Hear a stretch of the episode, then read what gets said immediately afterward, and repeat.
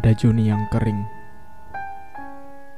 aku mengenang suatu masa ketika kali pertama kita dinikahkan oleh semesta. Ketika itu, rambutmu yang hitam panjang dan terurai disepuh sinar matahari yang terik.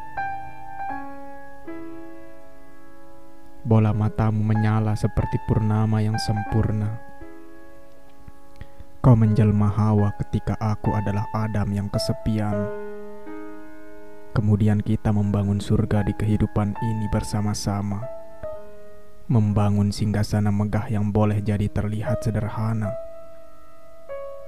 Dengan beberapa bunga, pohon mangga yang remaja, dan beberapa helai rumput yang tumbuh dari sela-sela batuan. Saban pagi, Tiap helai daun dan reranting yang gugur di beranda rumah kita selalu kau sapu dengan jeli. Tiada tersisa di antara bunga kamboja merah muda yang merdeka mewarnai ruang sekehendaknya. Kau sangat menyukai ikan koi yang bergumul ke sana kemari mencari penghidupan di kolam kecil yang ada di sebelah barat taman kita. Dengan senyum tipis yang begitu manja, Kau acap kali mencoba berdialog dengan mereka, meski kadang-kadang tak mendapat jawaban dalam bentuk apa pun. Lemparkan kunci ini ke kolam itu. Pintamu seusai mengunci gembok berwarna perak itu di tepi pagar rumah kita. Ini kan bukan Perancis. Memangnya kenapa kalau bukan di Perancis? Bukankah harapan bisa kita tanam di mana pun? Aku hanya tersenyum menanggapi keinginanmu. Kau kadang-kadang begitu konyol, tetapi itu yang aku suka darimu. Kesahajaanmu dalam menjalani hidup. Kau barangkali terobsesi dengan mitos yang ada di jembatan Pondes Art yang berada di sepanjang sungai Seine di samping museum Lover itu. Aku tentu tidak bisa menolaknya. Apalagi ketika kau menunjukkan wajahmu yang cemberut itu, seakan-akan dalam kamus bahasaku hanya ada kata ya. Maka, aku lemparkan kunci yang kau berikan ke kolam di taman kita Beberapa ikan koi terlihat berpencar karena kaget. Permukaan kolam melahirkan riak kecil yang susul menyusul karenanya. Kau memejamkan mata dan tersenyum lebih lepas dari sebelumnya. Kosa kata bahagia seketika telah mendapatkan maknanya. Gembok berwarna perak yang sedari tadi menggantung di tepi pagar itu, kau tatap dengan penuh harap.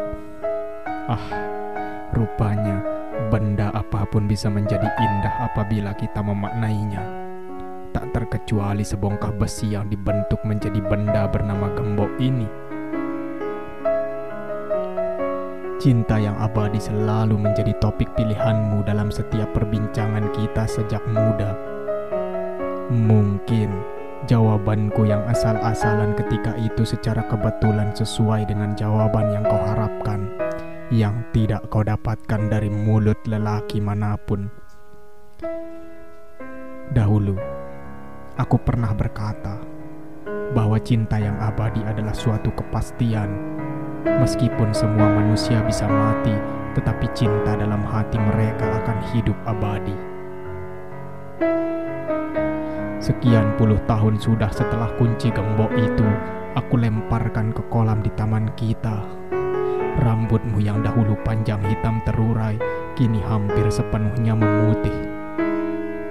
Wajah bayi-bayi menggemaskan yang dulu sering kau tunjukkan padaku di galeri handphonemu, kini sudah lahir ke dunia dan menjadi dewasa. Kau dahulu berharap memiliki tiga bayi yang menggemaskan dan bisa menghapus segala lelah setelah membanting tulang mencari penghidupan. Kini, harapanmu terwujud sudah. Mereka telah lahir ke dunia, tumbuh, dan mengalami apa yang dinamakan kasmaran seperti kita. Mereka juga telah sama-sama berkeluarga, mengurai benang kusut kehidupan dengan fondasi kasih sayang. Rupanya, waktu telah memelihara mereka hingga tumbuh menjadi pelaut ulung yang siap mengarungi samudera kehidupan. Kini, kita hanya tinggal berdua di istana surga yang selama ini dengan sabar menampung mimpi-mimpi kita. Di beranda rumah, kita sama menikmati siang yang hendak bermetamorfosis menjadi sore. Tentu akan kita saksikan pula lukisan Tuhan yang berwarna jingga di ufuk barat kesukaanmu itu. Kau, seperti biasanya, akan takjub dan memendam kata-kata sehingga satu-satunya jalan keluar bagi mereka adalah melalui bola matamu. Setiap hari, kita selalu mencoba mencatat kelahiran dan kematian waktu melaluinya. Namun, kita tak pernah sadar bahwa sebenarnya kita tengah mencoba mencatat kelahiran dan kematian kita sendiri. Apakah cinta abadi? Ucapmu sembari menatap matahari yang tenggelam hampir sempurna. Tentu saja, jawabku singkat. Kau menoleh ke arahku Koran lama yang sedari tadi kau baca kini kalah menarik oleh matamu. Sinar di kedua bola matamu tak pernah meredup sayang. Karenanya aku percaya bahwa cinta memang benar-benar abadi. Senja yang saban hari kau nikmati itu kini gugur di kelopak matamu. Senyum yang terbit dari bibirmu terasa begitu hangat sehangat nuansa yang dihidangkan hari yang menjelang peristirahatannya atau barangkali kematiannya. Kita tentu akan mati pula sayang dan hal itu memang lazim dikhawatirkan semua orang di usia kita saat ini. Keis dan Laila yang menurutku tidak seberuntung kita karena sempat bercinta di dunia tetap akan mengecap nikmatnya hakikat cinta yang abadi itu di mana pun, bahkan di luar kehidupan ini. Bunga Kamboja yang dahulu selalu bermekaran kini benar-benar hilang di telan masa. Namun, bukankah kita selalu mampu mengingat warnanya ketika ia mekar meski kini telah tiada? Tiada yang benar-benar bisa luput dari ingatan apalagi jika sesuatu itu teramat berharga. Ikan-ikan koi yang senantiasa kau ajak berdialog tempo hari, kini mungkin sudah berenang di sungai surga yang mengalir begitu damai. Kolam itu telah lama kering. Pernah beberapa kali aku coba mencari kunci yang tenggelam sekian lama di dasarnya Tentu bukan untuk membuka gembok yang telah berkarat di terpa angin dan hujan itu. Aku hanya ingin memastikan apakah ia masih ada atau tidak. Tetapi yang bisa kutemukan hanyalah kerakal-kerakal dan semak-semak yang kian semrawut memenuhi dasar kolam yang mulai retak-retak. Kau Barangkali tak tahu bahwa meskipun aku sudah agak pelupa, aku sering kali tiba-tiba mengingatnya ketika hendak tidur di kamar kita yang mulai sepi ini. Kunci itu memang tak pernah kutemukan, tetapi bukan berarti ia tak ada. Ia barangkali telah menyatu dengan tanah yang artinya telah melebur dengan kehidupan ini.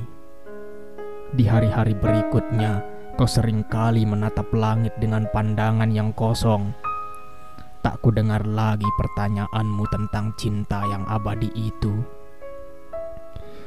Apakah kau sudah bosan bertanya atau apa? Aku tak terlalu paham. Namun ku yakini mungkin kau sudah dengan utuh memahaminya setelah jutaan kali kau tanyakan padaku. Pandanganku semakin kabur kali ini sayang.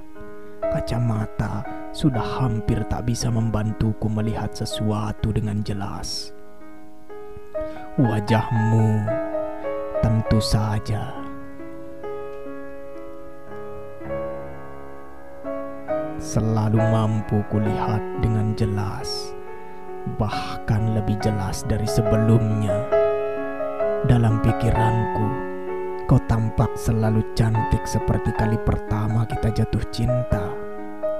Ketahuilah sayang, gembok itu masih terkunci di tepi pagar rumah kita Aku bahkan hampir percaya pada apa yang kau tuturkan tentang Pondas Arts yang mampu mengabadikan cinta melalui ritus serupa.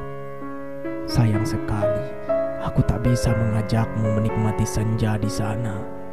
Aku tak pernah benar-benar yakin alasan apa yang membuatku tak bisa membawamu ke sebuah tempat yang barangkali sudah kau namai sebagai surga itu selain rumah kita.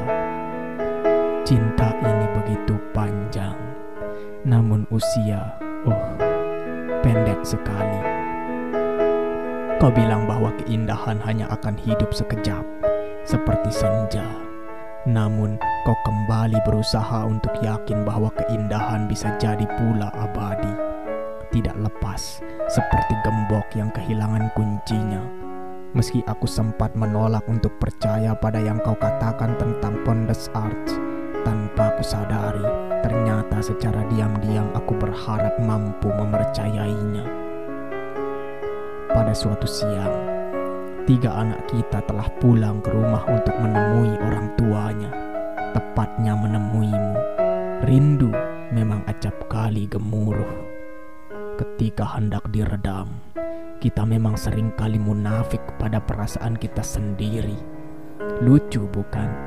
Tiga bayi menggemaskan yang sudah mendewasa itu akhirnya berkumpul di rumah ini lagi seperti dahulu kala. Namun, yang mengherankan adalah mereka semua menangis. Aku tak memahami apa yang mereka tangisi, sayang. Barangkali penyebabnya adalah kapas yang menutup lubang hidung dan telingamu. Mereka bilang, kau telah meninggalkan kehidupan ini. Aku sebenarnya ingin tertawa, sayang. Aku ternyata lupa mengajari mereka sesuatu yang paling sering kita bicarakan. Bukan tentang senja. Aku tak pernah mau menanggapi keyakinanmu yang akhirnya kau hianati sendiri. Tetapi tentang cinta yang abadi Barangkali setelah tak bernapasnya engkau, aku akan mengajak mereka ke Perancis untuk melihat gembok-gembok yang berjejer di tepi pagar kawat jembatan Pondas Arts. Aku harus mengajari mereka secara langsung mengenai ini. Kau setuju bukan? Tidak. Tidak perlu kau jawab pertanyaanku. Kau sudah terlihat begitu lelah. Beristirahatlah lebih dulu biarkan aku yang mengusap air mata anak-anak kita. Besok kami akan mengantarmu menuju rumah yang lain. Tidak apa-apa, tidak perlu menyesal. Rumah ini yang sekian lama telah melindungi kita dari keputusasaan, memang akhirnya akan kita tinggalkan. Rumah kita yang sejati berada di kehidupan yang lain. Kau Pergilah lebih dulu, sayang. Aku akan segera menyusul. Masih ada saat-saat bagiku untuk merenungi beberapa hal yang sebelumnya tak sempat aku lakukan ketika berada di dekatmu. Bagaimana tidak? Bola matamu selalu mampu memenuhi ruang pikiranku. Meskipun semua manusia bisa mati, tetapi cinta dalam hati mereka pasti hidup abadi. Bukankah itu yang kita percayai? Kefanaan senja adalah raga kita, sayang, dan cinta adalah apa yang semayam di dalam ruh keabadian. Setelah mengantarmu ke rumah baru kita, aku akan duduk kembali di kursi beranda rumah ini. Aku tentu saja akan berusaha mengamati meski dengan pandangan yang telah kabur. Sisa-sisa kenangan dari warna bunga Kamboja daun-daun dan ranting yang berserakan di halaman rumah, pohon mangga yang kian mendewasa, kolam yang telah mati bersama ikan-ikan koi di sana, dan juga gembok yang masih terkunci di tepi pagar rumah kita. Kau tahu sayang, kini senja telah samar-samar menghitam.